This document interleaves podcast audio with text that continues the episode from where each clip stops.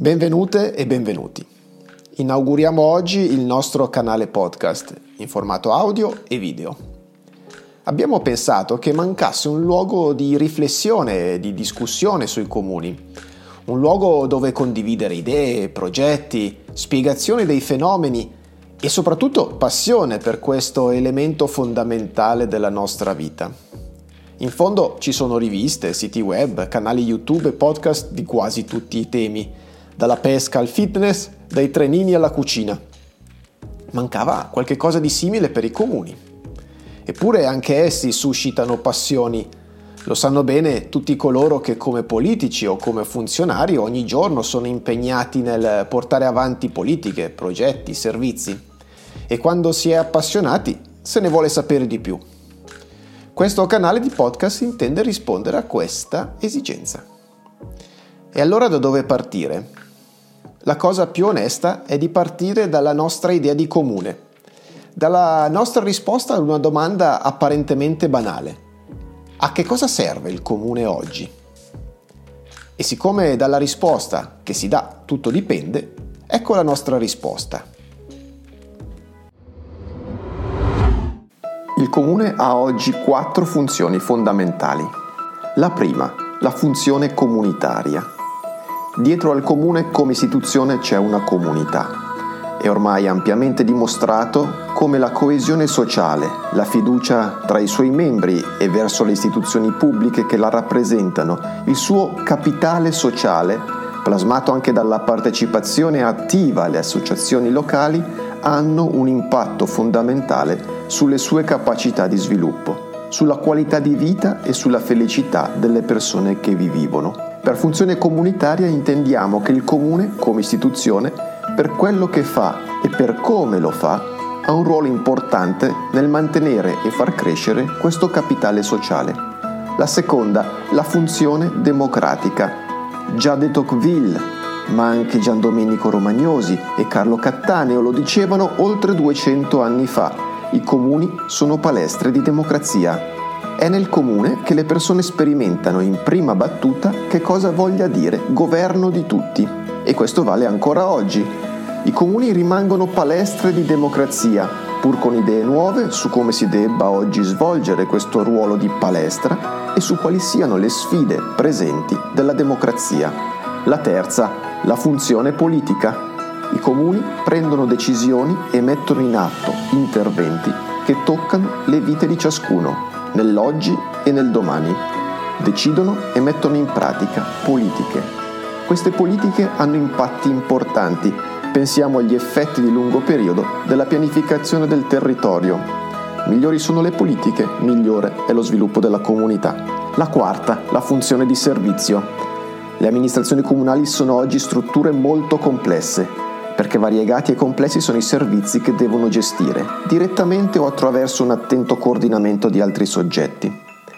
L'efficacia e l'efficienza di questa gestione rimangono essenziali, così come la capacità di mantenersi al passo con i cambiamenti in atto. Basti pensare alle sfide della trasformazione digitale.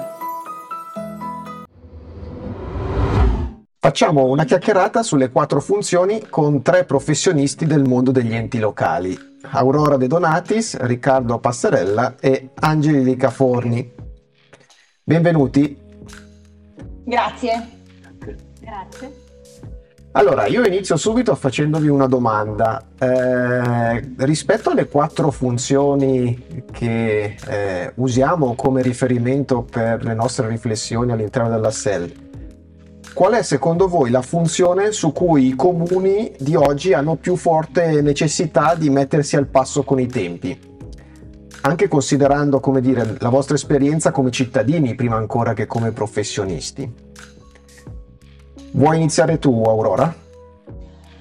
Eh, allora, come cittadina sicuramente la, la, funzione di servizio è per me la più importante, ma anche alla fine come, come professionista perché in realtà quello che, che, che più richiedono gli utenti è la, la fornitura di servizi ed è quella forse dove i comuni ancora sono un po' indietro, soprattutto per quanto riguarda la digitalizzazione dei servizi.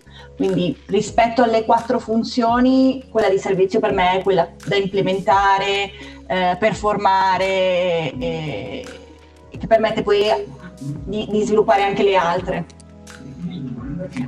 E Angelica, tu sei della stessa idea?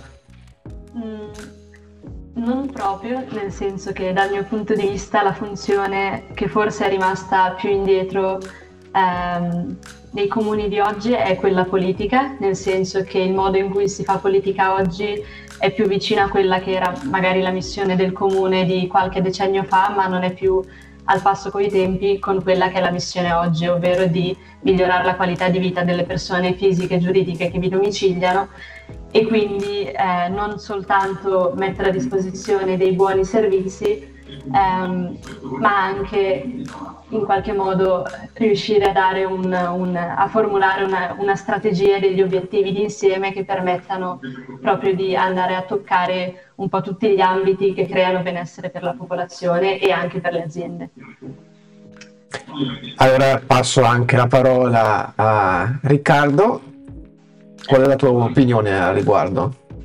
Anche per io mi, mi riaggancio a quello che diceva Aurora sulla questione della digitalizzazione dei servizi, ma soprattutto della digitalizzazione in generale del funzionamento del comune, non è tanto il servizio verso la popolazione che in questo senso è ancora un po' non particolarmente a giorno, ma il funzionamento stesso del comune che non rispetta diciamo proprio gli standard di vita digitale che abbiamo oggi, ciò che poi crea una serie di lentezze e una serie di metodi anacronistici di gestire alcune questioni che magari aggiornare visto che è forse la cosa più semplice rispetto all'aggiornare il metodo di fare politica. Questo è sicuramente qualcosa che Grazie, allora vi faccio anche una seconda domanda. Eh, quali sono, se andiamo a parlare di politiche, le politiche comunali più importanti secondo voi? Che, che cosa dovrebbe fare di diverso il vostro comune per portarle avanti più efficacemente? Chi vuole parlare è libero di farlo. Posto che per me ci sono due funzioni importanti che sono quella di servizio e quella comunitaria, perché la funzione democratica eh, la trovo un po' sopravvalutata eppure la funzione politica, quindi per quanto mi riguarda le più importanti sono la comunitaria e quella di servizio, che però una e l'altra sono eh, collegate in questo senso. Se tu vai a migliorare la funzione di servizio, come diceva Riccardo, non solo nell'offrire cioè una digitalizzazione che permette anche all'utente di sentirsi coinvolto. Okay. Io apro e so esattamente eh, si muovono loro in maniera più performante e io delle informazioni più, in maniera più veloce e più chiara. Questo mi permette di, di sentirmi parte di qualcosa. Mm. Quindi tu unisci la, par- la, funzione comunitaria con la funzione di servizio, sì. vedi un collegamento tra le due. Sì. Sì, perché alla fine il cittadino, io non sono molto d'accordo sulla questione della partecipazione alla democrazia, sinceramente eh, ritengo che la maggior parte, per la maggior parte dei cittadini vada bene così, cioè c'è un organo preposto e se devo fare qualsiasi tipo di proposta la posso fare anche nel, nella struttura attuale, non c'è bisogno di grandi cambiamenti. Però voglio essere informato e voglio eh, poter, eh, potermi avvicinare al comune tramite gli strumenti che oggi sono basilari per tutto, tutto, tutti gli altri settori, che è internet. Ok. Angelica e Riccardo, condividete?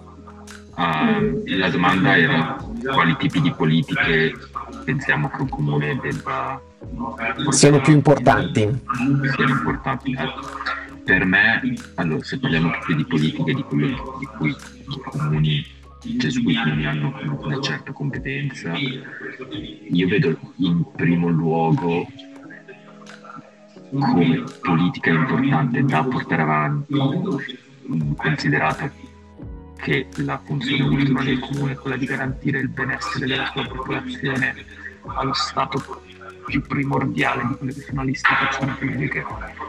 Eh, la politica prioritaria e più importante del comune deve portare avanti è quella di una pianificazione territoriale sensata e di uno sviluppo di una consapevolezza sul consumo delle risorse e sulla protezione dell'ambiente che può iniziare dal territorio comunale sensibilizzando la popolazione, eh, promuovendo diversi tipi di comportamenti che siano volti al miglioramento dell'utilizzo delle risorse energetiche, al miglioramento dell'utilizzo del suolo.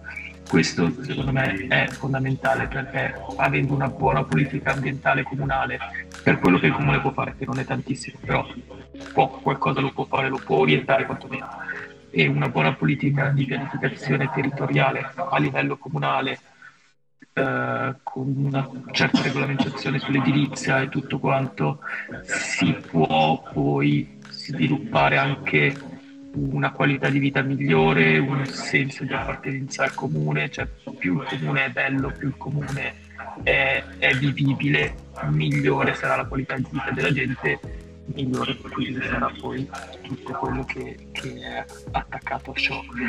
Questa è una, la seconda sarebbe una politica sociale, anche qui il comune non è che abbia tantissime competenze, tantissime, eh, tantissimo margine di manovra, ha tanti obblighi che sono determinati da altre leggi, però anche qui una politica sociale che sia volta a migliorare la qualità di vita della popolazione, soprattutto delle fasce più basse, che magari si vedono più confrontate con l'istituzione comunale o si vedono più vicine al comune rispetto a pensare alle, alle autorità cantonali. È già anche questo un modo per dare importanza al comune e per far valere il suo ruolo nella società. Angelica? Sì, ehm, io mi riallaccio sia a quello che ha detto Riccardo sia a quello che ha detto Aurora, nel senso che ehm, anche secondo me qui la dimensione comunitaria è particolarmente eh, rilevante nel senso che da un lato avere una pianificazione territoriale che crei ehm, anche aggregazione, nel senso quindi pianificare il territorio in modo da, avere anche degli spazi condivisi dove fare comunità e dove creare aggregazione. E dall'altro lato anche una politica sociale per appunto rafforzare le fasce eh, più in difficoltà della popolazione è quello che eh, rende una comunità più forte e quindi permette al comune di, di, di svilupparsi eh, anche nelle sue altre dimensioni e di creare qualità di vita per tutti. Quindi direi che cioè, sono d'accordo con Riccardo su questi due aspetti e sulla dimensione comunitaria con Aurora. Vi rilancio la seconda parte della domanda che era questa, cioè secondo voi rispetto a queste politiche eh, che cosa dovrebbe fare di diverso il comune per portarle avanti più efficacemente rispetto all'oggi? Il nostro comune.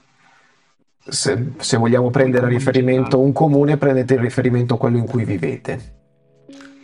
Beh, io non posso parlare di quello in cui vivo adesso perché ci sono da due mesi e mezzo, tre, però quello in cui ho vissuto per 30 anni lì io vedo da migliorare veramente appunto questa, questa questione di pianificazione del territorio in cui mancano completamente spazi aggregativi, in cui non si capisce da che parte stia andando l'edilizia, in cui non si capisce dove le persone, soprattutto della fascia media, debbano vivere, cioè proprio il caos totale, ci sono grosse costruzioni che vengono fatte, progetti che vengono mandati avanti per migliorare questo o quell'aspetto, ma in definitiva il territorio risulta non aggregato, cioè proprio è una continua disgregazione di, di, di tutto. E quindi questo crea poi in definitiva un comune che non viene vissuto perché non ci sono gli spazi per viverlo. E infatti è smorto, non c'è assolutamente nulla che succede se non qualche evento annuale tradizionale. Quindi ricucire gli spazi. Eh, ricucire sarebbe... gli spazi, ricucire il territorio per renderlo effettivamente fruibile alla popolazione e non semplicemente un luogo in cui alloggiare passivamente. Aurora, tu hai qualche... Io, vabbè, fino a cinque giorni fa vivevo a Lugano e per me in questo senso Lugano è un esempio. Nel senso che comunque sia a parte gli spazi che riesce a creare, io nel quartiere di Ganello ho creato molti spazi aggregativi per le famiglie, per i ragazzi, eh, riutilizzo di spazi che ci sono come ad esempio il, spazi per i giovani, la masseria sociale che, che stanno facendo adesso a Cornaredo, quindi su quello ci lavorano molto e anche molto sull'aspetto su cui puntavo io prima che è l'informazione e la digita- digitalizzazione, quindi l'app per conoscere quello che succede a Lugano per utilizzare servizi, eh, è un molto molto molto avanti per me su queste cose. Quindi... Adesso mi, non, ovvio che non, un comune piccolo magari non ha stesse, la stessa potenzialità, però è, sarebbe un modello a cui aspirare. Già solo per le, l'utilizzo de, de, di, di, spazi come so, quella masseria con Aredo, che adesso viene data tramite una convenzione in gestione a una a una fondazione, un'associazione, non mi ricordo più, che diventerà una, una sorta di eh, mensa sociale, ristorante, cioè è un riutilizzo degli spazi molto performante, ecco. Quindi sei soddisfatta di Lugano, diciamo, da questo punto di vista? Sì, moltissimo. Invece, sì, sì, Angelica, la tua esperienza? Eh, sì, io sono un po' nella stessa situazione di Riccardo, nel senso che il, il mio comune eh, non ha molti spazi aggregativi e tende ad essere un po' un comune dormitorio e appunto in questo senso eh, che cosa direi che il comune potrebbe fare di meglio per, per la pianificazione territoriale sarebbe proprio quella di eh, magari in alcuni casi andare a utilizzare dei processi partecipativi per coinvolgere la popolazione e chiedere effettivamente che tipo di spazi ha bisogno e quindi coinvolgerla nel processo di pianificazione territoriale come viene fatto ad esempio in diversi cantoni eh, della Svizzera tedesca e penso che questo potrebbe essere un, un bello esperimento da portare avanti. Quindi un suggerimento sul metodo prima ancora che sul contenuto delle scelte, cioè un modo per sì. arrivare a definire la politica un po' più partecipato. Sì. Allora, sul, allargando un po' lo, lo spettro della partecipazione arriviamo a un'altra domanda che forse ad Aurora non piace molto, l'ha già anticipato, eh, il comune come palestra di democrazia. Uh, Aurora dice non uh, mi interessa tanto questa parte del comune. No, non è che non mi interessa, che ritengo che non è vero che i cittadini eh, non partecipano perché svogliati, eccetera. I cittadini non partecipano perché fondamentalmente stanno bene e hanno fiducia nelle istituzioni, per quello che è la mia esperienza. E quindi questo bisogno di partecipazione a tutti i costi, secondo me, è un po' eccessivo rispetto alle esigenze attuali. Tuttavia, per rispondere alla domanda, sarebbe importante, vabbè, appunto vivendo magari una realtà un po' più grande eh, dove si vede un po' di più un coinvolgimento della popolazione che parta magari dalle commissioni e dove non partecipano solamente persone che sono cittadine svizzere, visto che comunque siamo sempre di più in una società globalizzata in questo senso, un forte coinvolgimento anche delle persone straniere che vivono e risiedono in Svizzera sarebbe, sarebbe ottimo per rafforzare un po' la, anche la, il senso di attaccamento alla comunità. Però vi faccio una provocazione. Eh, in fondo le, le, commissioni, le occasioni di partecipazione, i sondaggi, le serate pubbliche sono delle occasioni per far sentire la voce, ma in fondo non sono occasioni in cui il singolo cittadino si assume la responsabilità delle decisioni. Cosa diversa nel consiglio comunale o nel municipio. Quindi chi alla fine si deve prendere la responsabilità delle decisioni?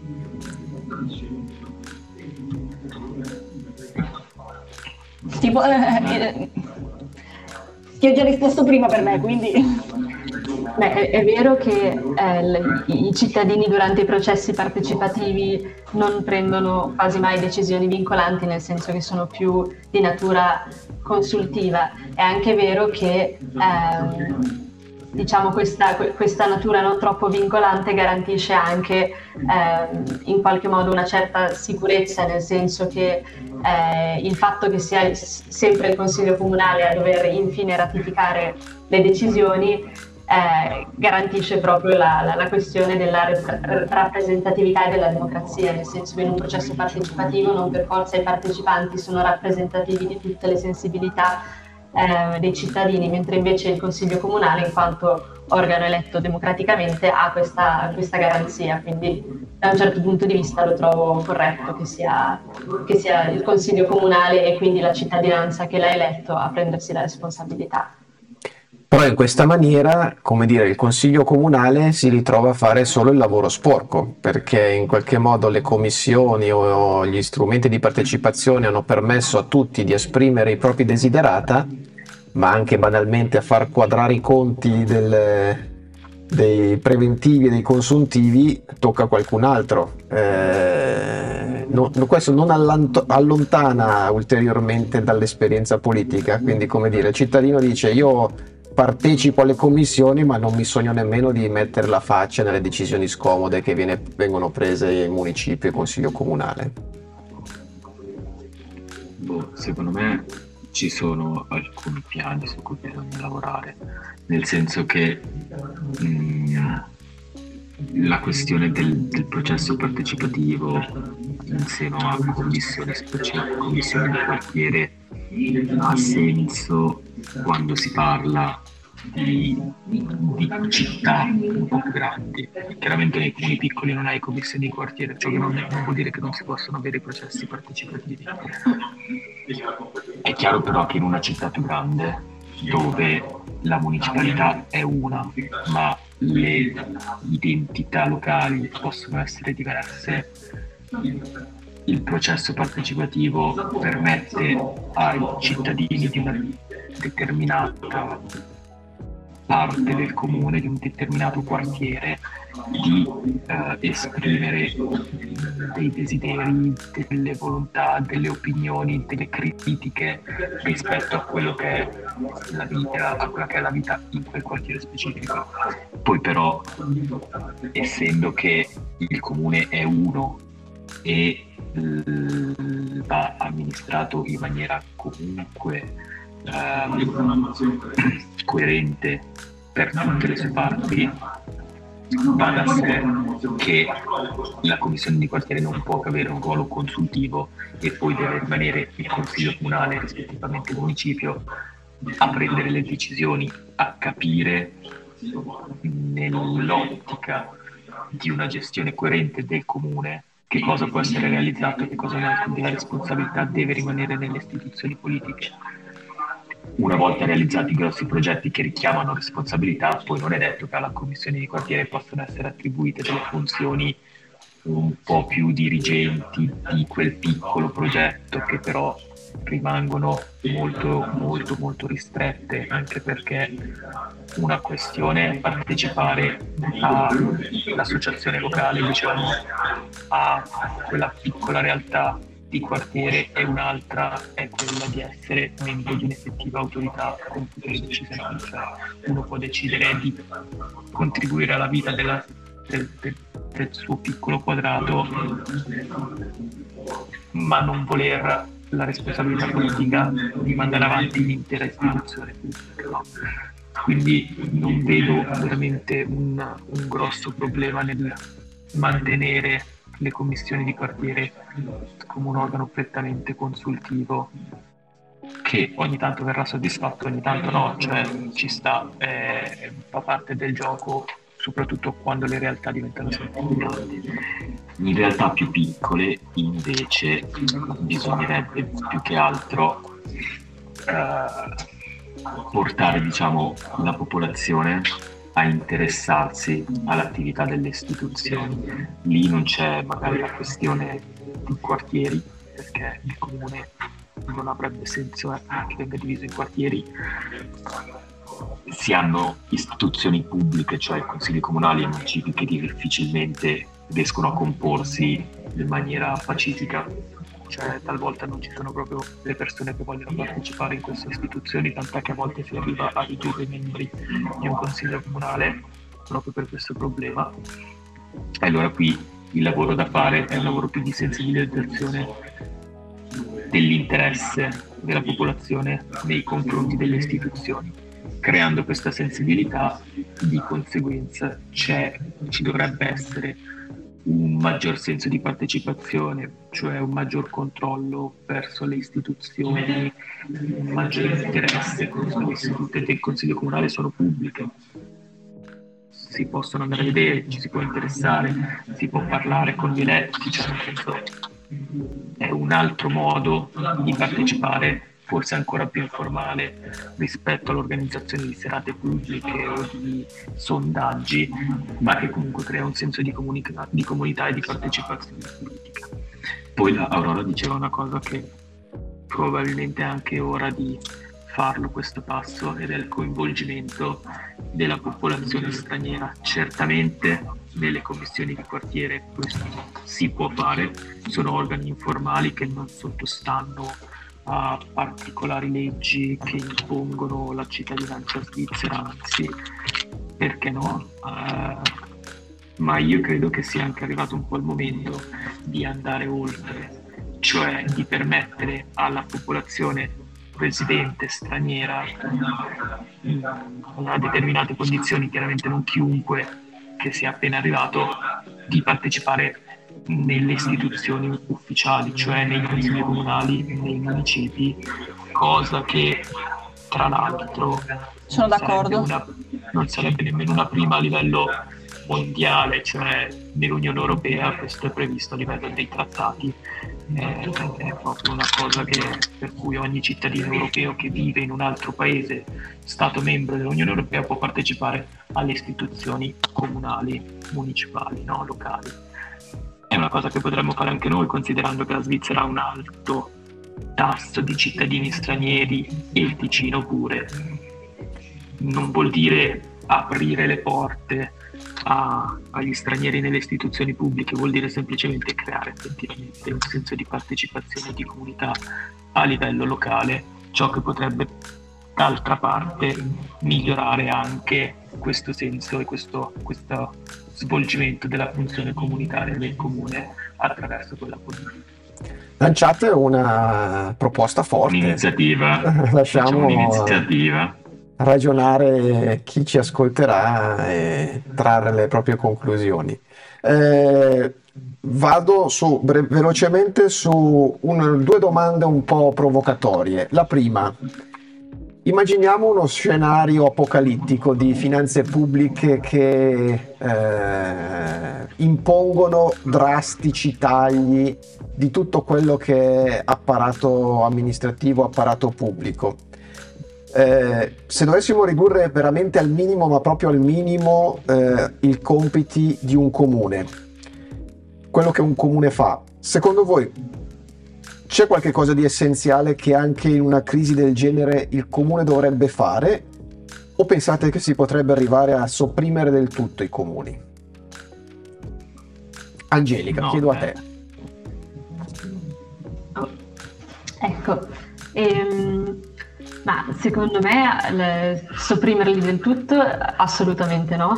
E per quanto riguarda il, le, diciamo, i settori che salverei sono quelli eh, che abbiamo già detto prima essere i più importanti, nel senso da un lato occuparsi comunque un minimo del territorio e dall'altro la questione della socialità, soprattutto per tutto quello che è prossimità, servizi di prossimità, quindi quelle sono le cose che salvaguarderei più di tutto.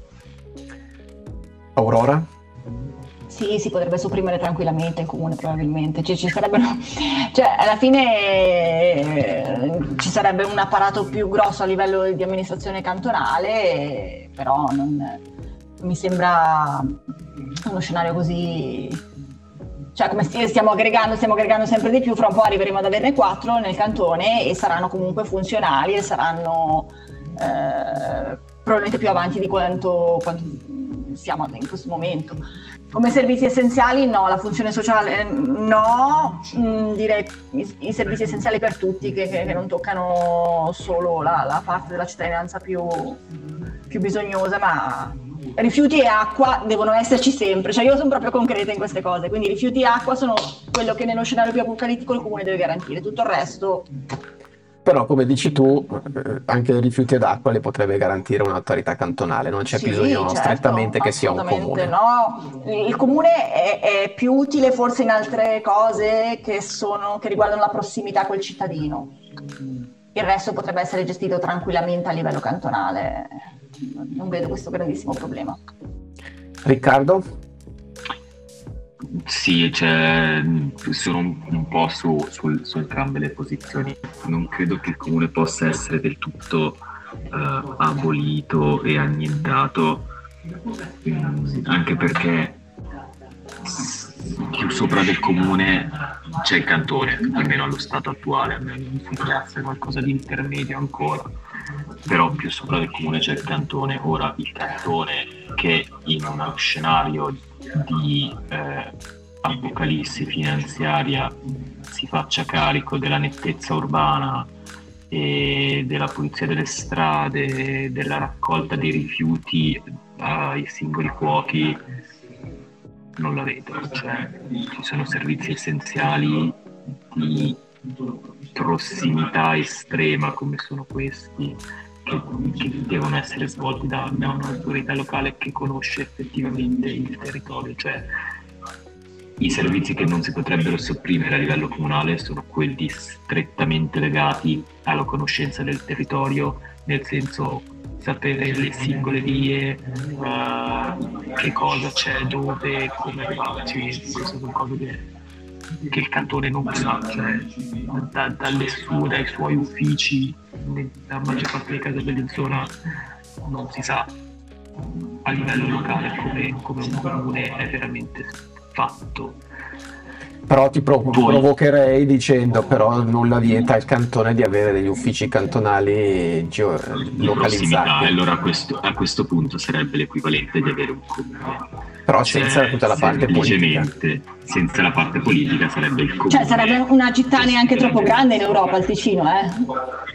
Sostanzialmente sì, però vediamo comunque anche nelle grosse città anche a livello di, di grosse città in altri paesi c'è sempre poi una suddivisione di municipi, di circondiari, di distretti che sono più o meno gestiti a quello stretto livello locale perché centralizzare tutto diventa sempre, sempre caotico. Quindi penso che siano quei servizi essenziali sul territorio che verrebbero mantenuti e quei servizi di prossimità per l'aiuto sociale che sono più facilmente gestiti quando si ha a che fare con un'utenza più ristretta. Vediamo a livello cantonale quanto tempo a volte ci vuole per l'erogazione di servizi legati alle assicurazioni sociali, cose così richiedono tempo perché l'utenza è tanta. Se è un po' più piccola ci si può concentrare di più sul caso specifico, fare anche meno errori nei singoli casi, perché probabilmente ha più senso mantenerlo a livello locale. Poi per il resto sì, cioè, si può tranquillamente affermare che, che, il comune possa essere soppresso e tutto possa essere centralizzato, solo che poi nella realtà dei fatti non credo che funzionerebbe. Ultima domanda, adesso dimentichiamoci la crisi finanziaria e se avessimo, come dire, campo libero per immaginarci il comune ideale del futuro, quale sarebbe il vostro? come sarebbe fatto? Angelica. È una domanda molto complessa e non vorrei essere troppo lunga con la risposta. Um, ma sicuramente sarebbe un, un comune uh, magari un po' più grande di dimensione di quello dove vivo adesso, per esempio.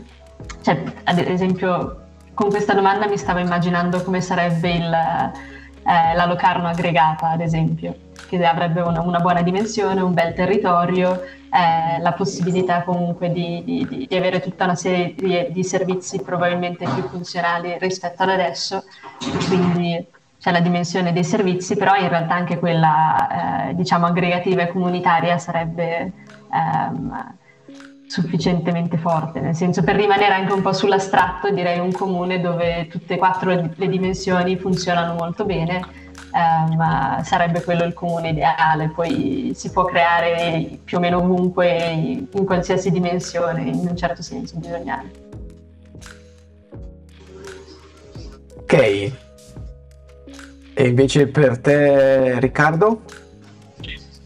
Mm, allora, anche secondo me il comune ideale dovrebbe essere comunque un po' più grande. I comuni piccolini di 40 anime sono con l'acqua alla gola per evidenti motivi.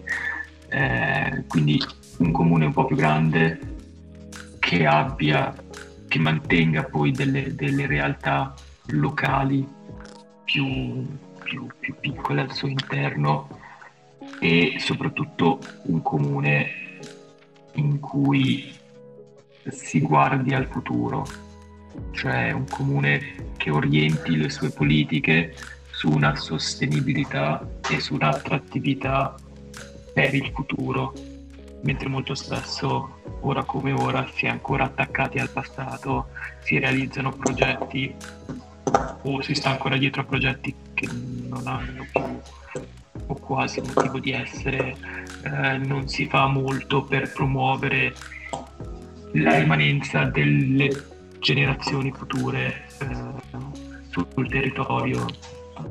Quindi un comune più lungimirante. Un comune più lungimirante sicuramente. Sì. E per te Aurora? Un comune come Lugano.